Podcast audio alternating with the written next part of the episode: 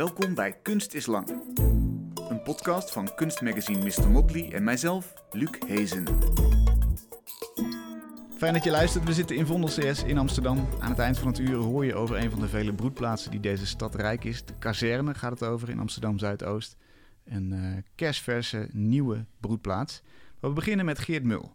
Hij maakt al zo'n 30 jaar mediakunst. Al sinds hij VJ'de in de house scene van de jaren 90 verzamelt hij afbeeldingen. Een database met inmiddels miljoenen beelden. En veel van zijn werk gaat over het navigeren door die immense collectie. Soms betekent dat voor een bezoeker fysiek navigeren, bijvoorbeeld in een enorme installatie in Enschede, waar oude foto's van voor de vuurwerkramp op de muren werden geprojecteerd, opdwarrelend als wolk waar je als bezoeker fysiek doorheen loopt. In een andere installatie liet Geert op een meterslang videoscherm honderden landschapsschilderijen in elkaar overvloeien, waarbij het beeld op het scherm in fragmenten uiteenviel zodra je als kijker dat scherm nadert. Maar de navigatie door die database kan ook buiten mensen omgaan. In het werk Match of, Match of the Day laat hij zelfgeschreven software los op de dagelijkse beeldenstroom van 300 internationale tv-zenders. Een algoritme zoekt vervolgens naar patronen en maakt combinaties van die twee beelden. Geert hoeft ze alleen nog maar te selecteren en ons voor te schotelen, want onze verbeelding gaat er dan automatisch mee aan de haal en op zoek naar het verband tussen die twee beelden. Maar meer recent is aan zijn werkwijze ook fotografie toegevoegd door een foto van een magnifieke boom in een lichtbox te plaatsen en het licht erachter te laten veranderen, ontstaat de illusie van bewegelijkheid en het verstrijken van tijd. Geert, welkom. Leuk dat je er bent. Dankjewel. Als VJ laat je natuurlijk die beelden zien op muziek. Dat is een beetje misschien het, het, het begin van jouw beeldende carrière, zou je kunnen zeggen. Wat, hoe vatte je die taak op? Wat moest er gebeuren op zo'n avond? Ja, ja, ja, dat is inderdaad het begin van mijn, van mijn, van mijn carrière. Uh, dat was ook het begin van uh, een manier om in leven te houden, natuurlijk, als, als kunstenaar. Mm we hebben het over 94, uh, waarin dat een beetje begon. Um, hoe vatte ik dat op? Nou, het VJ had wel um, met een ander fenomeen, had, had, eigenlijk met, met twee fenomenen te maken. Het ene fenomeen was dat wat voorheen uh, live muziek was, dat was eigenlijk altijd uh, ging altijd gepaard met gitaren en, en drumstellen en, uh, en uh, dat soort instrumenten. En de, de, live muziek was, impliceerde eigenlijk ook altijd een live show. Ja. Maar met de opkomst van de elektronische popmuziek uh, werden al die instrumenten eigenlijk in de techno-scene, waar ik dan vooral werkte. En dat was toen heel belangrijk. dat was dan niet de house scene. Hè? Oh ja, oké. Okay, ja, Voor de fijnproevers. Techno en house en weer wat anders. Ja, ja. Uh, techno was echt wel de underground, uh, experimentele en underground uh, kant. Dus daar voelde ik me ook wel veel meer thuis. Als in, in de mainstream house was gewoon echt wel binnen dat segment dan weer mainstream, zeg maar, okay. en commercieel. Ja.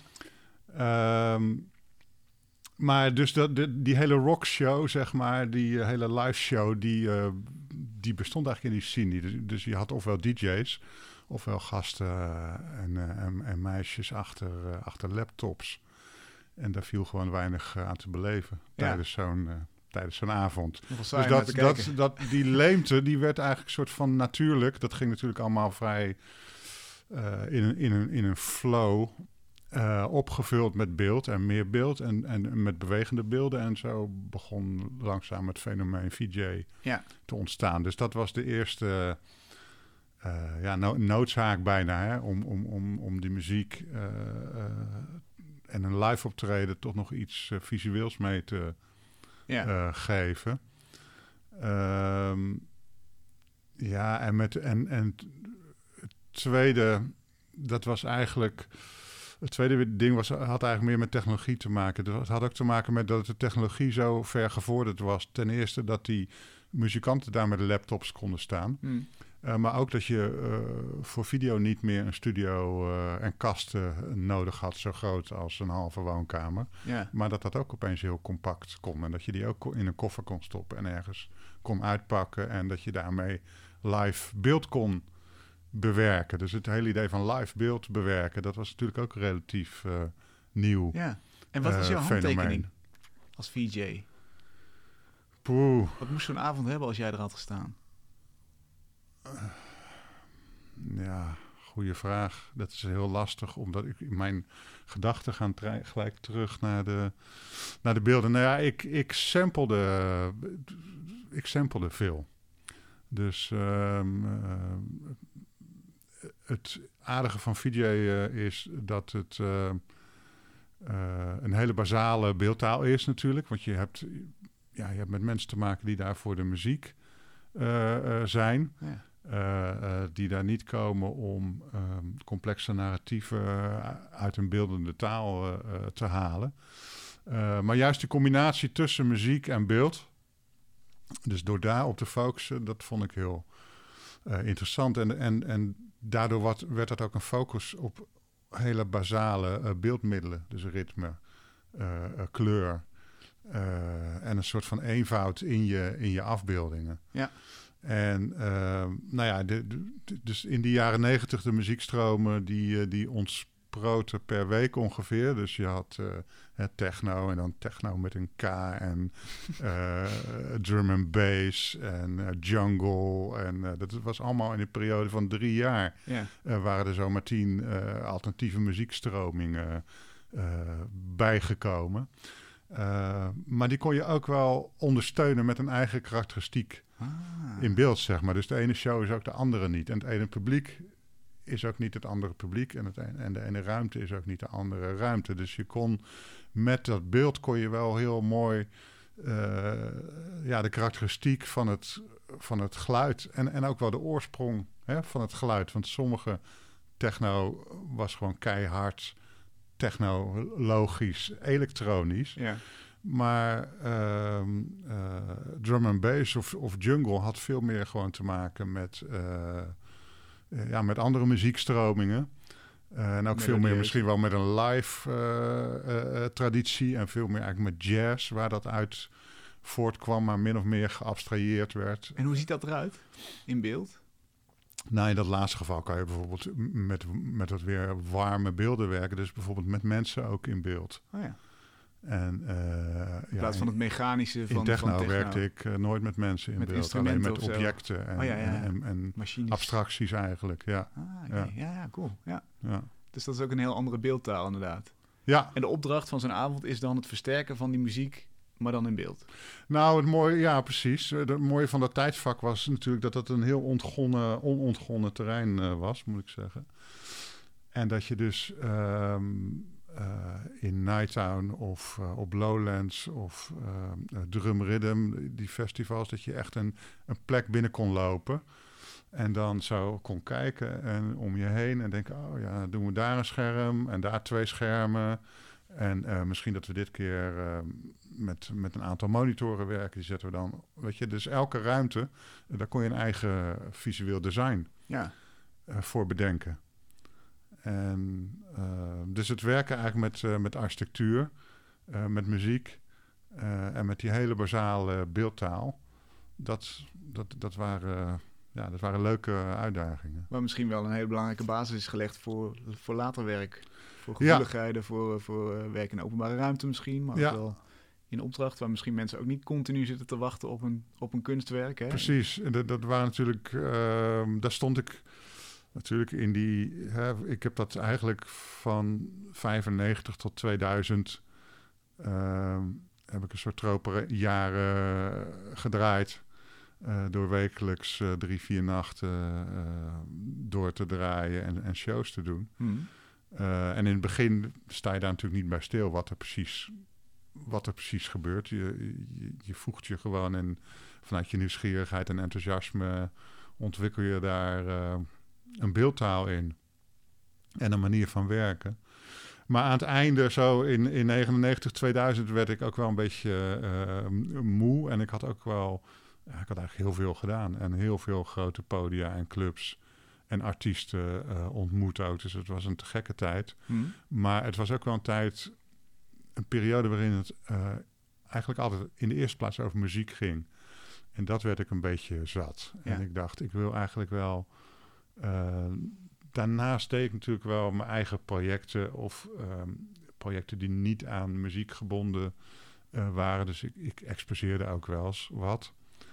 Um, maar ik dacht, ik wil met, ook met dit soort dingen eigenlijk ook wel op een podium waarin het beeld prominenter is. Uh, en waarin ik veel meer ook aangever ben, in plaats van dat ik reageer op, uh, op de muziek. Mm en, uh, en, en, toen ik daarover na ging denken, zag ik inderdaad al heel snel de parallellen eigenlijk tussen publieke ruimte en, en, ja, en een podium. Want dat soort podia waar ik speelde, dat, dat is natuurlijk ook een, een vorm van een publieke ruimte. Ja. Alleen heel specifiek. En als je gaat nadenken over publieke ruimte, dan kom je er eigenlijk achter dat alle publieke ruimte heel specifiek is. Alleen dat er een enorme diversiteit is in die specificiteit. Klinkt als een paradox. Leg eens uit, waar, waar, waar, eh, waar verschillen ze? Nou, nou ja, dat is heel evident eigenlijk. Al, alle publieke ruimte uh, is, is fundamenteel anders. Hij heeft, heeft andere omgang met tijd. Uh, in de ene ruimte gaat het, heb je zeeën van tijd omdat het een wachtruimte is bijvoorbeeld. En in de andere ruimte heb je heel weinig tijd omdat je altijd op weg bent naar een trein die je wil pakken. Ja, precies. Dus dat zijn radicaal andere uh, uh, belevingen als je daar bent als, uh, als, als publiek. Welk van de werken die je hebt gemaakt in de openbare ruimte, om dan maar even die containerterm te gebruiken, is het meest tegengesteld aan zo'n clubavond? Wat is, wat is het andere kant van het spectrum? Um,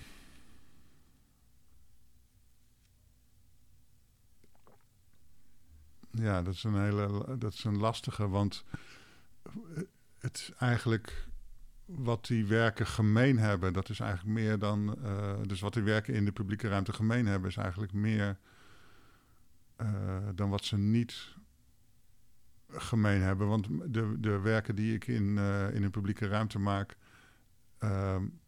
zijn misschien wel. Nou, misschien. Het, het verschil is misschien wel dat de werken die ik in de publieke ruimte maak, die zijn meer gelaagd. Uh, maar de overeenkomst is uh, dat ze een toplaag hebben die wel heel eenvoudig benaderbaar is. Ja. Pak er eens eentje uit van die werken, omschrijf me. Uh, nou, ik heb een werk gemaakt in, in Voorburg. Daar ben ik zelf uh, wel heel ehm, blij mee. In het Marianne Viaduct. dat is vlakbij het oude huis van Constantijn Huygens. En uh, die heeft daar, er staat nog een oude een villa van hem. Uh, Hofwijk heet dat. Mm -hmm. En Huygens was een 17e eeuws uh, staatsman en dichter. 16e eeuws was hij. En zijn zoon Christian, 17e eeuws, was een grote uitvinder. die heeft meegeholpen aan de ontwikkeling van de telescoop. de ringen van Saturnus heeft hij voor het eerst in beeld gebracht. Um, dat was een, een opdracht om in dat tunneltje wat te doen. Dat tunneltje liep, uh, loopt onder het spoor door. En dat tunneltje had een bijnaam, de Underground. Omdat dat, nou ja, het zegt bijna al genoeg, hè. Het was gewoon donker. Ja. En af en toe ging daar zo'n trein uh, overheen. En dan uh, was een, een vrij, was geen prettige plek, zeg ja. maar. Ja. Dus het was ook wel een, een, dankbare plek om iets te doen. En um, omdat die tunnel eigenlijk in een stuk lag wat vroeger de tuin van Huygens was geweest, um, wilde ik dat meenemen in, die, uh, in dat werk. Dus mijn, mijn werk in die publieke ruimte gaan vaak over de context. Uh, maar wat ik interessant vind is dat de context bestaat natuurlijk in de eerste plaats, zou je zeggen, uit datgene wat je ziet en hoort en beleeft op zo'n plek. Mm. Uh, maar de, de, onzichtbare context, die is vaak nog veel groter en, en belangrijker. En de onzichtbare context, dat is bijvoorbeeld dat er vroeger iets was op die plek wat er nu niet meer is. Dat is ook een context, ook al is die fysiek niet meer aanwezig. Vaak is dat wel heel bepalend voor wat een plek uh, is. Namelijk de aanwezigheid van die familie Huygens. Bijvoorbeeld, ja, door de hele, de hele omringende context, de hele omringende structuur van zo'n uh, plek heeft nog altijd heel veel te maken met uh, wat zo'n plek vroeger was.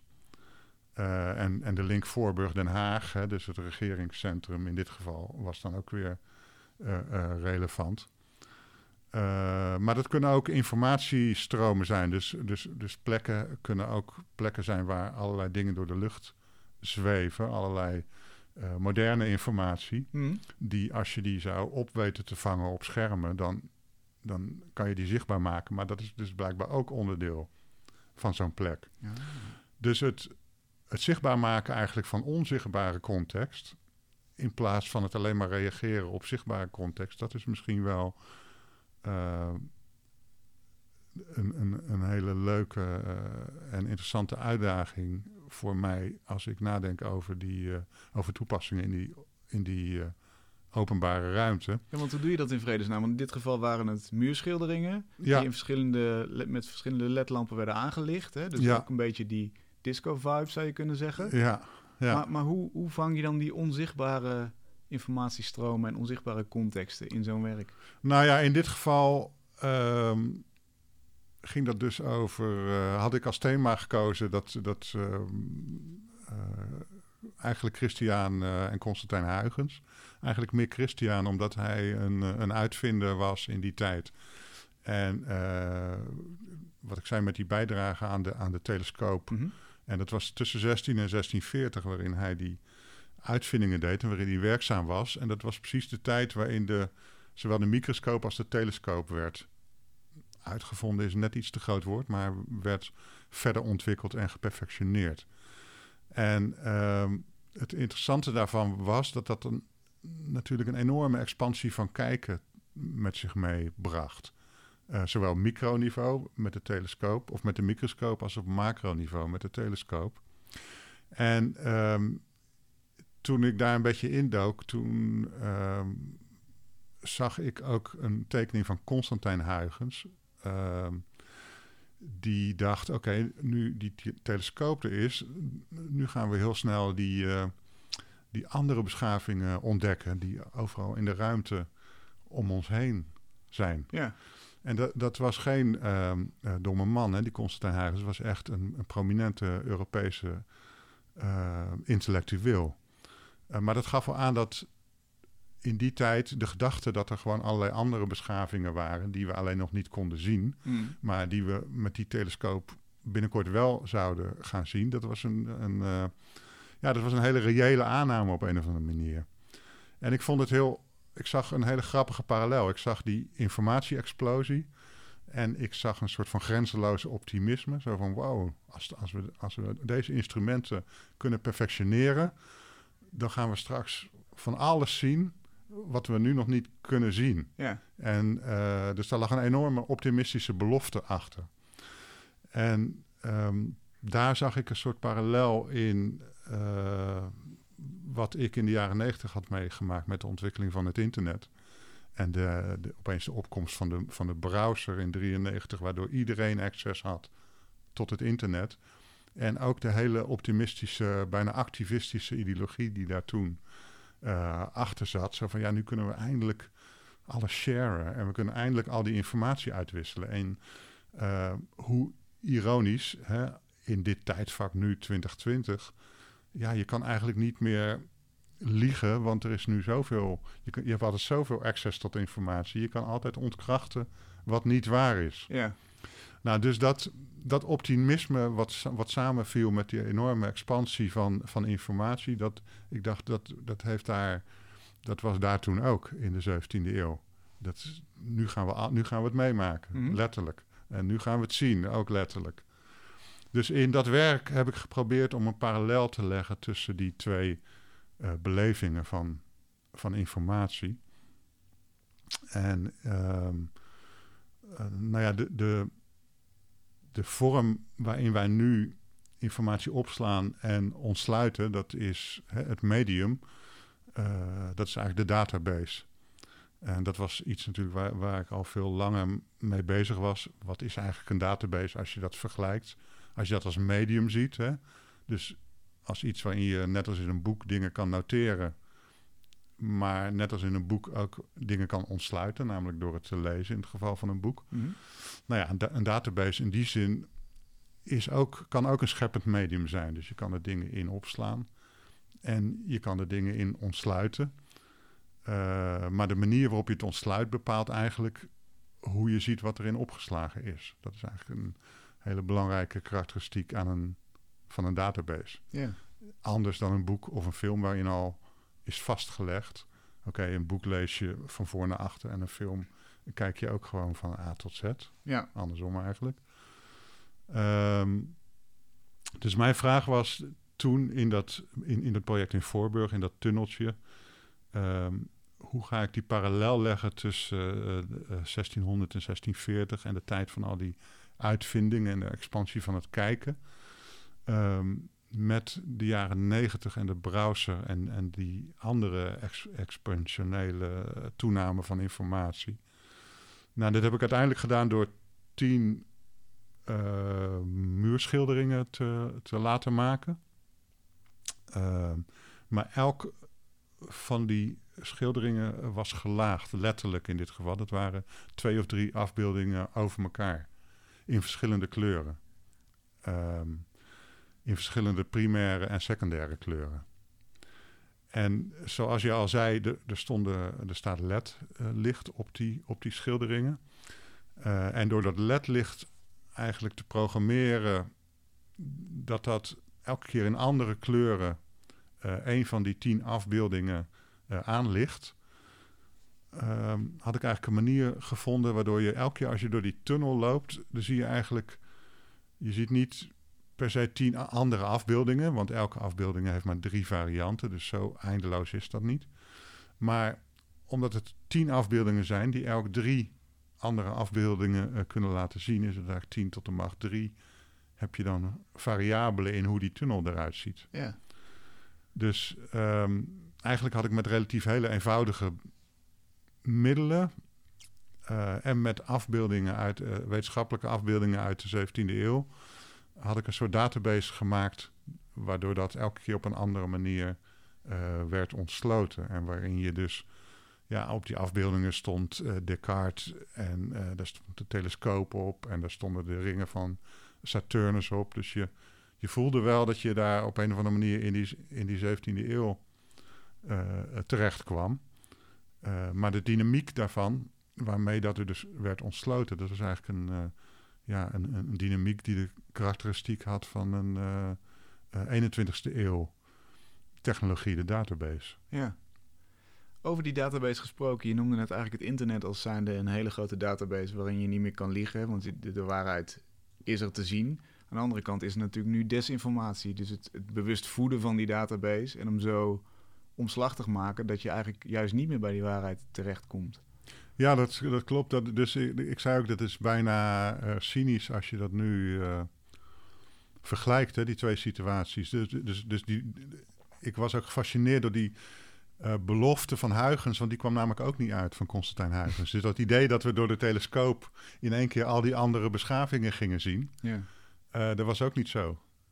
We kregen wel een hoop andere dingen te zien. Ja. Maar niet uh, al die andere hoogwaardige beschavingen die om de hoek van ons, van de aarde lagen, zeg maar, die we nu eindelijk door de telescoop konden bestuderen. Dus die heel veel van die ideologie ehm, en hoop die gekoppeld was aan, aan het internet. En, en, en wat er zou gebeuren als je informatie voor iedereen ontsluit en toegankelijk maakt.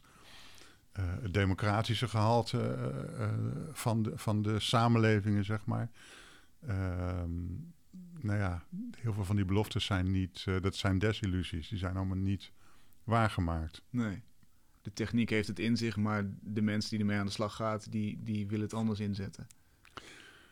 Ja, en, en er gebeuren dingen die, waar, waar je eigenlijk niet op had kunnen anticiperen, zeg maar. Dus de manier waarop nu in de, in de Amerikaanse politiek of hoe Trump um, informatie gebruikt, um, ja, dat is heel erg verschrikkelijk. Het is ook wel heel erg fascinerend. Hmm. Uh, dus hij bespeelt dat medium en die media bijna als een, als een orgel. En uh, nou, je hebt het ook met de, met de Brexit gezien, dus dat je, uh, je, je, kan mensen afzonderlijk pakketjes informatie sturen. Ja. Uh, op zo'n manier dat je het als community weer nooit kan checken.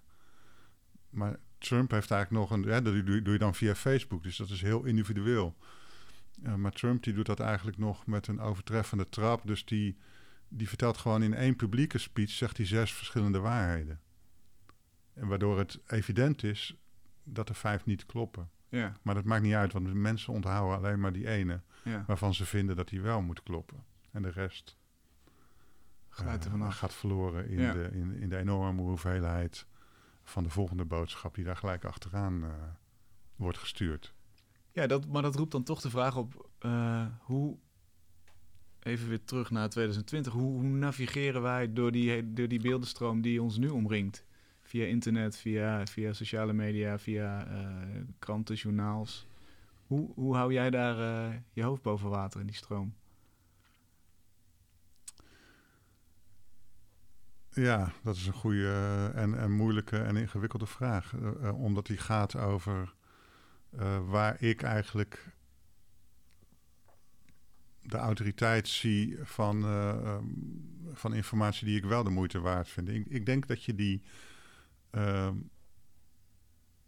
dat je die wel kan ehm, ontdekken als je kijkt naar de methodologie. Oftewel, als je, manier kijkt, als je kijkt naar de manier waarop informatie tot stand komt.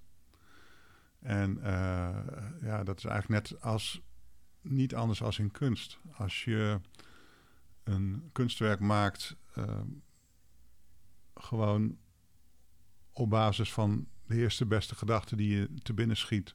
En dat knal je dan eh, op het doek eh, of op een video of op een, of op een monitor of wat je medium of in een boek, wat je, wat je medium dan ook is. Dan levert dat vaak niet zoveel interessants en diepgaands op.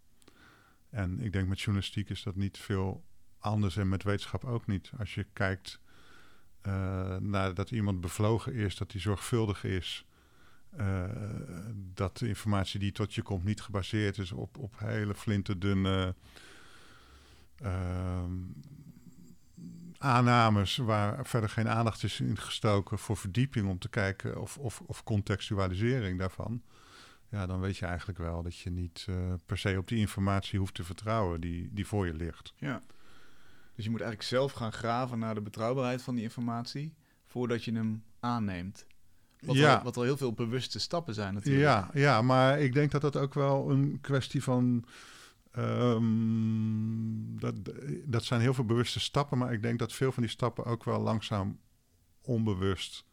Eh, omdat we gewoon zeg maar geletterd worden op die manier, dat we die onbewust nemen. Dus eh, bijvoorbeeld, eh, ik, ik krijg via Facebook wel eens links en dan met een kop, en dan denk ik, nou, dat zou, wie weet, zou kunnen.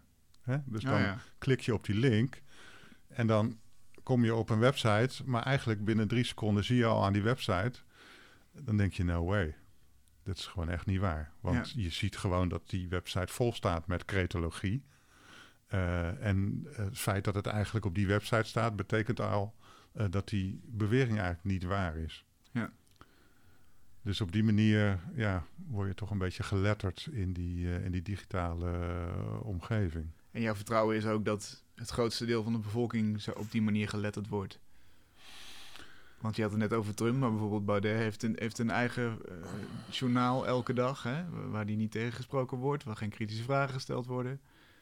Ja, hoe, hoe eh, beoordeel je dat? Ja, ik weet niet of dat op zichzelf ehm, een, een, een nieuwe situatie is. Hè, dat er mensen zijn eh, ehm, die dingen verkopen, Ja, eh, die mensen graag eh, willen horen en, en daarvoor voor waar aannemen. Dat is op zichzelf eh, niet per Mhm. se een nieuw, een nieuw fenomeen. maar misschien in de vorm van een journaal. Ik bedoel, ik zie het andere politieke partijen bijvoorbeeld niet doen. Hè? Een dagelijks GroenLinks-journaal of een dagelijks VVD-journaal met het gebracht als zijnde nieuws. Ik heb het idee dat zij zich conformeren aan die samenleving brede, dat samenleving brede gesprek, waar ook tegenspraak is en andere kanten te zien zijn. Ik weet het eerlijk gezegd niet. Ik denk, ehm, kijk, de, de, wa- hoe we hierover begonnen was dat het internet toen het opkwam, dat het even die belofte had, hè, Mhm. die ideologie. Dat het daarmee af zou rekenen. Ja, Eh, maar wat er gebeurd is, dus eigenlijk dat datgene wat daarvoor, daarvoor bestond, eh, in ieder geval het onderwerp waar we het nu over hebben, dus disinformatie en propaganda, dat is dat dat niet, dat, internet en, en de manier waarop we eh, informatie delen en de database als medium, dat dat niet de remedie is daar tegen. Ja. Maar dat wil niet zeggen dat het daarmee, dat medium daarmee onmiddellijk schuldig is aan, aan die situatie, aan het creëren van die situatie. Ik denk dat die daar al lag. Hmm. Het was alleen niet het medicijn. Ja, nou, je zou het ook kunnen zien als zijnde een manier om de collectie van hedendaagse kennis te ontsluiten. Hè? Als, je het, als je het dan in collectietermen benadert, zou je kunnen zeggen door zo'n, door zo'n eens, eensgezind journaaltje te maken, eh, kies je een achterdeurtje door een hele specifieke gang van die kennis. En in, in, in die zin is het een, een, beperkte, uh, uit, uh, hoe zeg je het, beperkte openstellen van die collectie. Ja. Kan een strategie zijn om je hoofd boven water te houden. Want dat is eigenlijk de vraag die eronder ligt. Van hoe, hoe zorg je ervoor dat je kunt navigeren door die beeldenstroom die tegenwoordig op ons afkomt. Dit is een duidelijke strategie. Een, een partijgekleurde strategie. Maar het is een manier om die collectie te ontsluiten. Ja. Nou ja, ja je, je vraagt dat aan, aan een beeldend kunstenaar. Dus ehm, veel van mijn werken die, die uh, proberen of een aantal van mijn werken proberen op een hele. Uh, de, de, de, de toeschouwer of de, de, de deelnemer bijna als het om interactieve werken gaat. Uh, te laten ervaren hoe je op een hele intuïtieve manier uh, omgang, omgang kan hebben met, uh, met interactieve systemen, met informatie die zich visueel ontsluit. En um, uh, nu, waar we het net over hadden, gaat natuurlijk over hele. Uh, gaat over vormen van, uh, van informatie waarin echt complexiteit en, en, en verhalen en ideologie ehm, besloten liggen. maar in mijn werk gaat dat ja, over hele intuïtieve belevingen van, van beelden, van landschappen, van, van kleuren. -hmm. Ehm, maar de, de kern van een aantal van die werken is dat je wordt geconfronteerd met een situatie die je niet kent. Uh, en die je alleen maar kan leren kennen door daarin rond te bewegen of daarin rond te, uh, te stappen. Ja. Uh, je refereerde in de inleiding aan, aan een werk met, uh, met landschappen. wat zijn oorsprong heeft in een, uh, in een project wat ik in uh, het uh, Boymans van Beuningen heb gemaakt in het museum. Ehm, daar is later een andere, een, een, tweede versie van gekomen. Um, die ik in de Dortmunder Oe ga plaatsen dit jaar. Daar ben ik nu mee bezig. Dat is een permanent werk. Um, de versie in Boymans van Beuningen was gebaseerd op hun uh, schilderijencollectie. Mm -hmm. Landschappen met een horizon, hè? Ja, landschappen met een horizon. Um, en de versie in de uh, Dortmunder Oe, die heeft eigenlijk uh, Chinese schilderkunst als uitgangspunt met landschappen, omdat die een totaal andere karakteristiek hebben in de benadering van landschappen en, uh, en ruimte. Maar in allebei die werken word je eigenlijk, als je binnenkomt, geconfronteerd met een landschap. En op het moment dat je erin stapt, in het werk stapt letterlijk, uh, je ziet een hele grote um, projectie op de muur. Op het moment dat je daarin stapt, merk je dat het werk iets doet en dat dat te maken heeft met hoe jij daarin staat. En uh, je kan eigenlijk stap voor stap, kan je eigenlijk gaan ontdekken en aanvoelen en, en beleven wat eigenlijk de, de relatie tussen jou uh, en het werk is. Uh, hoewel je dat nooit kan uh, doorgronden, dus je kan het nooit rationaliseren helemaal. Dat, dat uh, laat het werk niet, niet echt toe.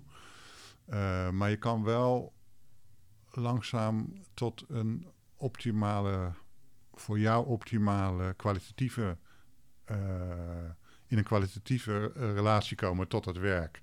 Oftewel, je kan door daar rond te lopen langzaam karakteristieken ontdekken tussen jou in hoe jij beweegt en hoe het werk reageert, die, die voor jou heel belonend zijn. En, uh, heb je daar een voorbeeld van? Of ik daar? Hoe heb je daar een voorbeeld van? Hoe, hoe nou, beloont het je? Nou, het, beloont je visueel en auditief. Dus ja. het beloont je in, in, in een esthetische uh, of immersieve ervaring van beeld en, en, uh, en geluid. en die kan natuurlijk voor verschillende mensen anders zijn. Ehm, dus de, de, ene persoon die kan gedijen in de, in de chaos uh, die die op kan roepen door heel snel door dat werk heen te lopen en heel snel te bewegen en, en heel veel beelden tegelijkertijd op te roepen. En te kijken hoe, dat, hoe die enorme complexiteit bijvoorbeeld weer langzaam tot rust komt. Maar voor de andere persoon kan juist een hele serene benadering van het werk. Dat geeft dan ook weer een hele uh, serene en ruimtelijke visuele en auditieve feedback. Ja. En um, ja, om, bedoel, als, als we dat koppelen aan, aan, aan het vorige onderwerp, dus hoe uh, hoe handhaaf je je eigenlijk nu met al die media en met al die uh, informatie? Ja, dat is door een bepaalde houding aan te nemen hmm. uh, en daarin actief te zijn. Ja. En, en te zorgen dat, dat, dat de feedback die je krijgt, de informatie die je terugkrijgt, dat dat je op een manier um, dat dat je bevestigt en dat dat, dat, uh, dat dat een manier is waarop je eigenlijk uiteindelijk wil leven of in het leven wil staan. In dit leven wil staan.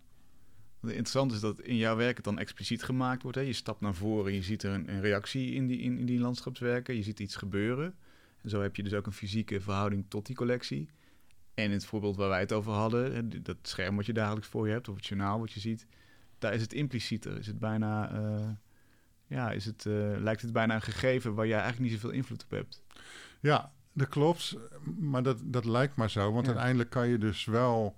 Kijk, je kan kiezen uh, uh, of je wel of niet op Twitter zit. Je kan kiezen of je wel of niet op Facebook zit. En je kan ook uh, kiezen welke uitzendingen je bekijkt op televisie. En je kan kiezen welke kranten je leest. Dus uiteindelijk ehm, in de, in, de, in de wereld waarin we nu leven is het idee, weet je wel, dat je, dat je niet kan zeggen, ik wil me informeren en, en dat ga ik doen door zo volledig mogelijk te zijn. Dat kan niet Want dat kan juist niet. Daar zijn we voorbij. Dat, is juist onmogelijk. Ja.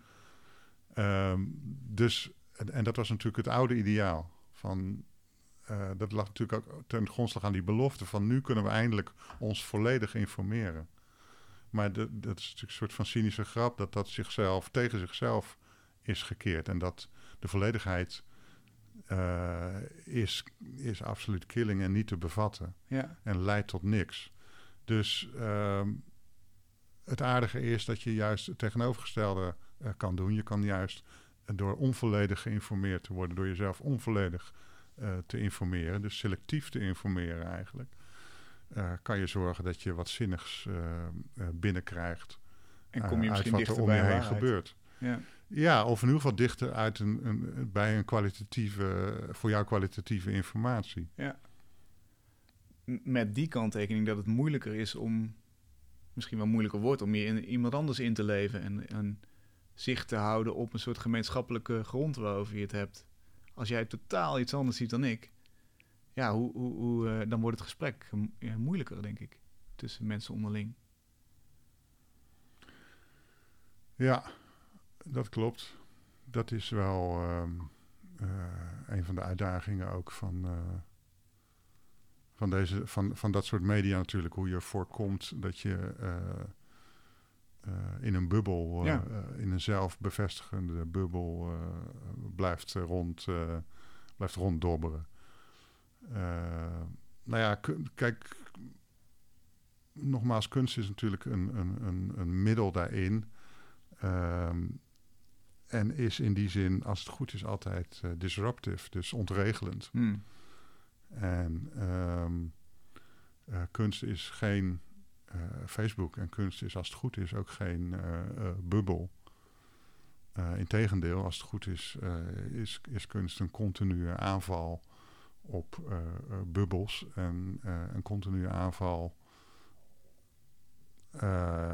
klinkt wat offensief, maar mm. een, een, continu ontregelende factor. Ja, mits die als boodschap aankomt natuurlijk. Kan natuurlijk zijn dat heel veel mensen die boodschap wegfilteren, waar je het net over had. Als je niet geïnteresseerd bent in een zender, dan kun je dat misschien wegfilteren. Ja, maar dat werkt anders. Kunst, uh, hè, zoals wij kunst kennen en, en gebruiken en zien, um, uh, functioneert dat niet als een rationele boodschap. Kunst is niet een, een, een laagje met een inhoud, uh, waarvan je het laagje wel kan zien, maar de inhoud kan missen. Een, een, een, kunstwerk zoals wij in, binnen ons culturele begrip van kunst. Um, denk ik dat juist als we het hebben over kunst, het laagje en de inhoud één en hetzelfde ding zijn.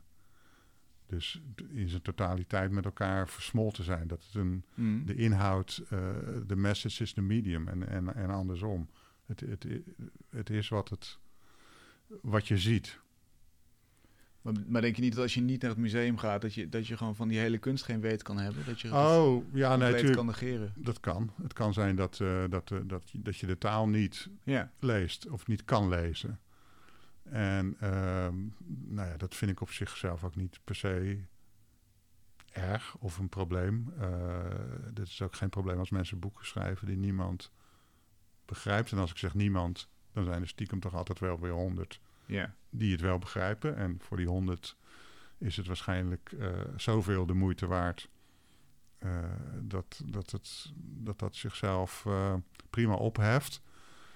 Ehm, het is ook, van de andere kant is het ook geen probleem. Um, kijk, laat ik het op mezelf betrekken. Ik weet zeker dat ik een, dat ik een aantal werken maak um, waarvan die voor een select publiek zijn. En dat vind ik ook geen uh, uh, probleem. Uh, maar er zijn ook werken waarin ik bewust op zoek ga naar een gelaagdheid. Bijvoorbeeld het werk in Voor, Voorburg, waar, waar we het over hadden.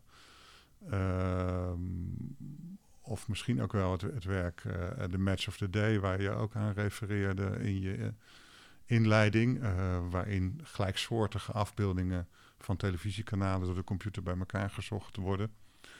Ehm, ja, als je daar, als je dat, als, je, als ik over dat werk begin te vertellen, dus ik zeg ja, er zijn uh, eh, 30 verschillende internationale televisiekanalen. Er is software ontwikkeld, algoritmes die gelijksoortige afbeeldingen bij elkaar zoeken. En dat is het wat je ziet. Ja, dan denk ik dat al veel mensen zijn afgehaakt. Hè, bij die terminologie en de complexiteit van dat idee. Mm uh, maar als je geconfronteerd wordt met twee afbeeldingen die min of meer eh, hetzelfde zijn, dan is dat qua instap, snap je, dat is, dat is, niet, dat is niet ingewikkeld. Nee. Dat is juist, juist twee afbeeldingen die uh, uh, op elkaar lijken, is juist een manier om mensen ergens in te uh, trekken. Omdat onmiddellijk de vraag ontstaat, twee dingen lijken op elkaar, die zullen dus wel iets vertellen. Ja. Ja, daar gaat je brein mee aan de haal. Dat daar gaat je brein mee aan de haal, ja. Ja, precies. Ja. ja. En, en inderdaad, het is een interessant werk, omdat in dit geval een algoritme kijkt, hè, een algoritme selecteert. Wat is de fundamenteel andere blik van dat algoritme ten aanzien van een mens? Um, nou, het, het, de fundamentele andere blik van het algoritme is eigenlijk dat het algoritme geen blik heeft. Dus dat is, uh, het algoritme ziet niets, hmm. ziet niet. Het algoritme simuleert uh, zien, want dat hebben wij het algoritme geleerd. Ja. Uh, maar voor een algoritme bestaat een afbeelding uh, alleen uit een serie van getallen. uiteindelijk, want een algoritme is, al, al, een al, algoritme betekent wiskundige functie. Dus een algoritme kan natuurlijk nooit buiten zijn eigen wiskundigheid stappen. Ja. wat een algoritme doet, hoe, hoe dan ook, uiteindelijk is het bewerken van getallen. Ja. En uh, een afbeelding voor een algoritme is een, uh, is een reeks van getallen. En het kan uh, dezelfde, het kan gelijksoortige afbeeldingen herkennen. Omdat, dat blijkbaar gerepen, omdat die blijkbaar gerepresenteerd worden door gelijksoortige getallen. En op die manier kan het voor ons uh, als uh, heel slim en intelligent overkomen, omdat een algoritme soms beter in staat is om selecties te maken. Uh, of bijvoorbeeld in de medische wetenschap om opeens ehm, röntgenfoto's te analyseren, afwijkingen in, in, in bloedvaten of weefsels te zien voordat wij het zien. Of misschien zelfs wel objectiever te zien. Ja. Omdat het juist alleen maar naar die getallen kijkt. Ehm, hoe wij kijken, dat is juist precies. Nou ja, wij kijken natuurlijk allemaal anders. En, ik, en, en, en kunstenaars kijken dan ook weer anders als, uh, als andere mensen. En, en, en schilders. Hè, als je, ik heb in mijn kunstacademie tijd ook nog wel aardig geschilderd. En, en niet aardig als in goed geschilderd, maar wel aardig wat geschilderd. Ja. um, en, en buiten geschilderd ook. En dan weet ik nog wel dat als ik buiten had geschilderd, toevallig moest ik daar vanmorgen aan denken toen ik uh, wakker werd. En toen keek ik naar de lucht, toen zag ik daar een wolkje. En toen dacht ik opeens aan dat moment dat ik in die tijd dat ik buiten schilderde, zag ik dan ook gelijk, oh ja, dat is die blauw. En dan moet je dan zoveel een beetje grijs bij doen. En dan, eh, ik zag ook nog het soort kwast waarmee je dan dat wolkje moest, uh, ging maken. Mhm. Dus wij kijken, mensen kijken voor mensen is het heel moeilijk om, uh, om echt, ja, echt tussen aanhalingstekens te zien uh, wat er is. Omdat wij, onze perceptie is alleen maar ontleend aan onze ideologie of aan onze cultuur dus. Hè? Dus we mhm. kunnen ook geen dingen herkennen die we niet kennen. Ja. Anders kan je ze niet herkennen. Uh, dus we zien ook alleen maar wat we zien. het is heel erg lastig voor mensen om te kijken zonder interpretatie. En dat is eigenlijk wat een database wel heel goed kan. Wat weer niet wil zeggen dat die objectief is, want die is ook gevoed. Uh, en die kan uh, geprogrammeerd worden. Uh, die wordt door mensen geprogrammeerd en die kijkt dus wel subjectief. maar die kijkt wel op, precies op de manier waarop die geprogrammeerd wordt. Ook al is die geprogrammeerd om te discrimineren, dan nog discrimineert die consequent. En niet op een gegeven moment met mededogen. Um, en, en, en, wij kijken, ja, mensen kijken uh, steeds minder. Hoe meer ze weten, hoe minder ze kijken. Hè? Dus je hebt dan steeds minder genoeg. Op een gegeven moment zie je wat bruine vlekken. En dan denk je dat is een bank. Maar, maar dat is een ideolo die, die bank is een, is een ideologie. Die zie je op een gegeven moment ja. niet meer. Die is gewoon efficiënt voorgevormd in ons hoofd. En ja. Die herkennen we en dan kunnen we door naar het volgende. Ja, en wat dat werk doet, de Match of the Day, dat is eigenlijk ehm, doordat dat heel nauwkeurig laat zien hoe een algoritme kijkt. Want uh, doordat het twee van die afbeeldingen elke keer naast elkaar ziet, zet, ehm, zie je dus, oh, de, de, het algoritme, de computer, de software vindt dat dit, dat deze twee afbeeldingen op elkaar lijken. Nou, voor mensen zijn twee dingen die op elkaar lijken, zijn ideologisch ook dingen die met elkaar gerelateerd zijn. Omdat we alleen maar ideologisch kunnen kijken. Uh, maar die computer die laat juist uh, bijvoorbeeld op sommige momenten zien dat, dat, dat het ene afbeelding water is en de andere vuur. Maar dat ze toevallig eenzelfde overeenkomstige uh, structuur hebben in die foto.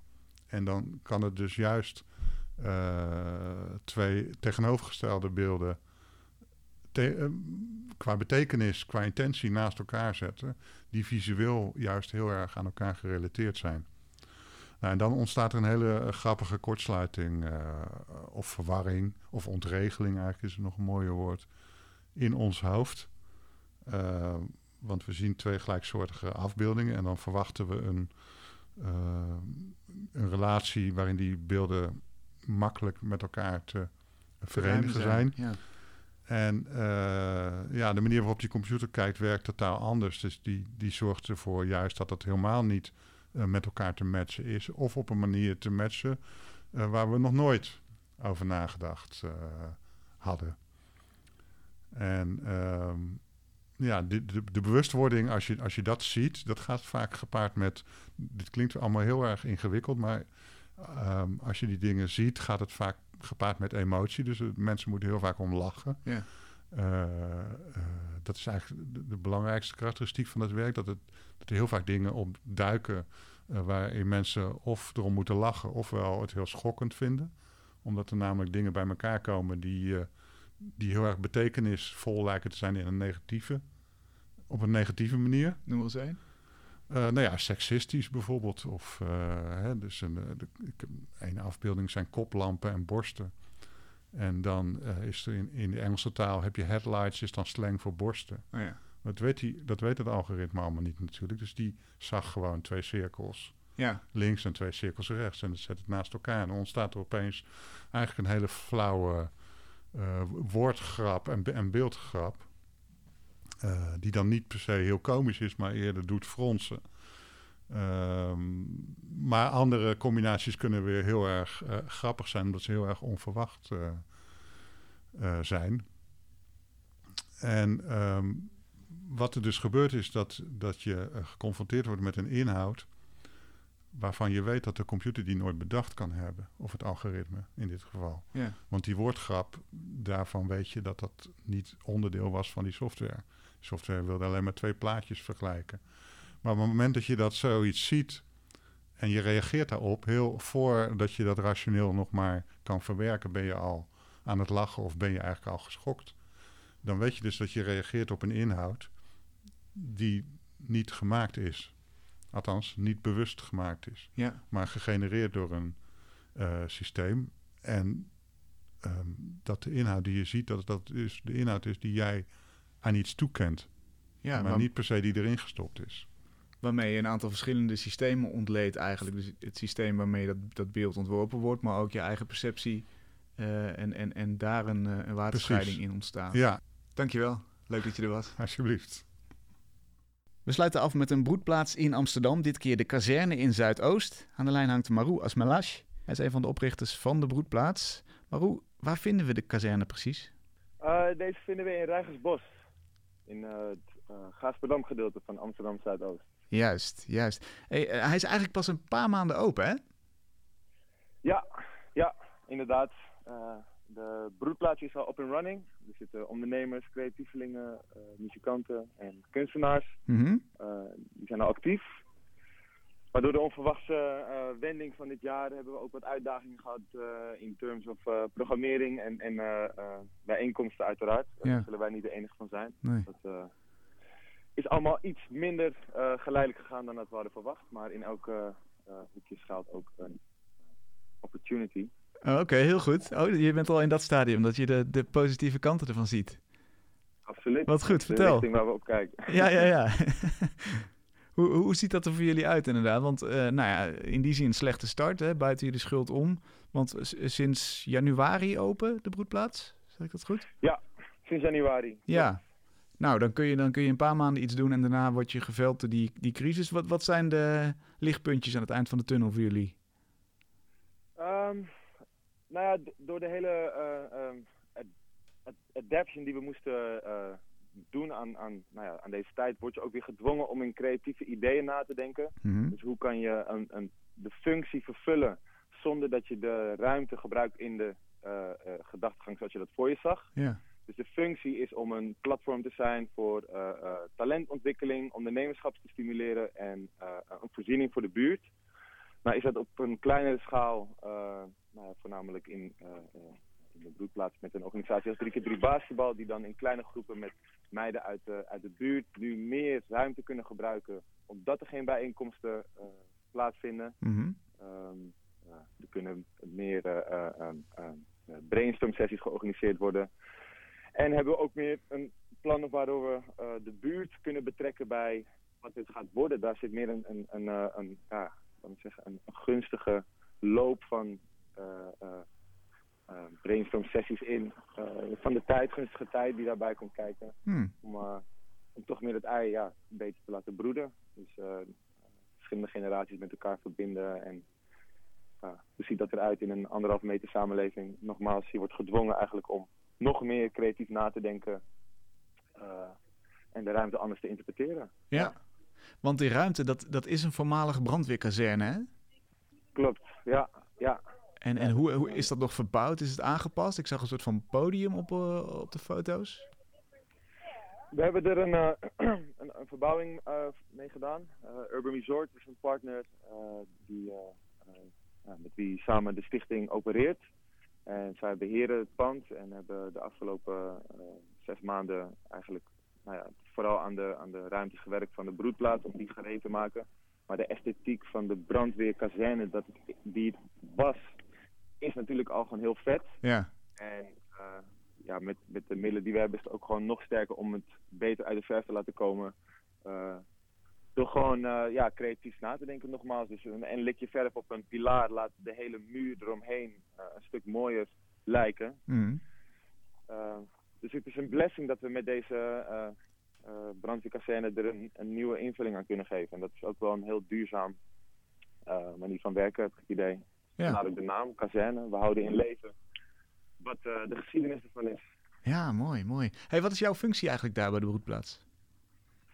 Um, ik ben voornamelijk als directeur van de, van de stichting momenteel.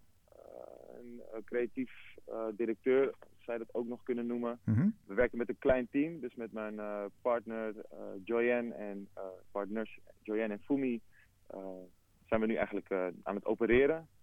En ja, zijn we nog een beetje alle disciplines aan het verdelen onder elkaar. Dus het is moeilijk om te zeggen wie wat exact doet. Omdat en finance en programmering, het is creatief en zakelijk, loopt nog heel erg door elkaar heen in deze beginfase. Ja. Hey, en um, straks hopen we natuurlijk dat er weer van alles te doen is bij jullie. Hoe, hoe kijken jullie naar die nabije toekomst? Wat, wat staat er op de planning? Heel positief. Um, ik ben zelf geboren in Rijgersbos. Dus de, de, connectie die ik heb met de buurt is, is een hele organische. Vandaar ook echt een, een passie die, uh, die erbij komt kijken. Mm -hmm. uh, met het, de beweging die, die wij, zeg ik dan, dus ik met een hele groep anderen van mijn leeftijd de beweging die wij hebben gevormd door naar de stad toe te trekken om daar een, in een infrastructuur te tappen die gunstig is geweest voor onze organisaties om dat te mobiliseren in Amsterdam Zuidoost weer. Dus eigenlijk de talenten, de ondernemers die verspreid over de industrie actief zijn, mm -hmm. een plek te geven in Zuidoost om nieuwe generaties daaraan bloot te stellen en eigenlijk dat uh, infrastructuur uit te breiden naar Zuidoost toe. Ah, Dus voor de nabije toekomst, wat je kan verwachten, is een, uh, een weerspiegeling van wat de programmering in Rijgersbos, wat daar de, de behoefte van is. Dus dat, dat zijn voornamelijk kooklessen, workshops in de vorm van kunst en ondernemen. vanuit daar gaan we partners daarmee in contact brengen. En er zijn heel veel geïnteresseerden waar, waar ik eigenlijk nog niet een uitspraak over wil doen. Maar dat heeft er vooral mee te maken dat we de waarde van de kazerne op een niveau willen krijgen, zodat wij de organisaties, de instanties, instituten uitnodigen onder de vleugel van kazerne. Ja, en dat is denk ik vooral het belangrijkste, omdat dit een hele nieuwe plek is in dit gebied. Waar we een interessante draai aan kunnen gaan geven. Ja, dat moet allemaal nog groeien natuurlijk. Maar inderdaad, dus, dus het basisidee was eigenlijk uh, we zijn lang bezig geweest, misschien in het centrum. En we hebben daar uh, connecties gelegd en uh, ervaring opgedaan. En dat wordt nu teruggebracht naar Rijgersbos, naar, naar Zuidoost. Exact. Ja, exact. mooi, mooi. Hey, beetje... Sorry, ja? ja? Nee, nee, nee. Dus, als je een beetje de, de omgeving van, van ons als bedrijven kent, dus, nou ja, dat, dat zit er ook altijd tussen. We proberen dus de, de, de groep om ons heen te brengen op plekken waar, waar de deur voor ons geopend wordt of waar we hem induwen. En uh, nu gaan we het andersom doen. Heel goed, heel goed. Ja. Waar kunnen we de kazerne volgen online voor ja, updates of vragen of nieuws? Er is een nieuwe pagina op Instagram, uh. Die, is nog, nou die, is, die, is, net in de lucht. Mm -hmm. de website is in ontwikkeling. Maar op Facebook en op Instagram kun je ons vinden via Kazerne Rijgersbos. De berichten zijn al actief, dus er, een, uh, er is een interactie mogelijk. Cool. Dankjewel. En initiatieven. Ja. La, laat, we gaan het gewoon in de gaten houden. Dankjewel. Ik wens je heel veel succes. Bedankt. Goed dat jullie alweer de lichtpuntjes zien. Dankjewel. Tot zover Kunst is Lang van deze week. We zijn er volgende week weer. Tot dan.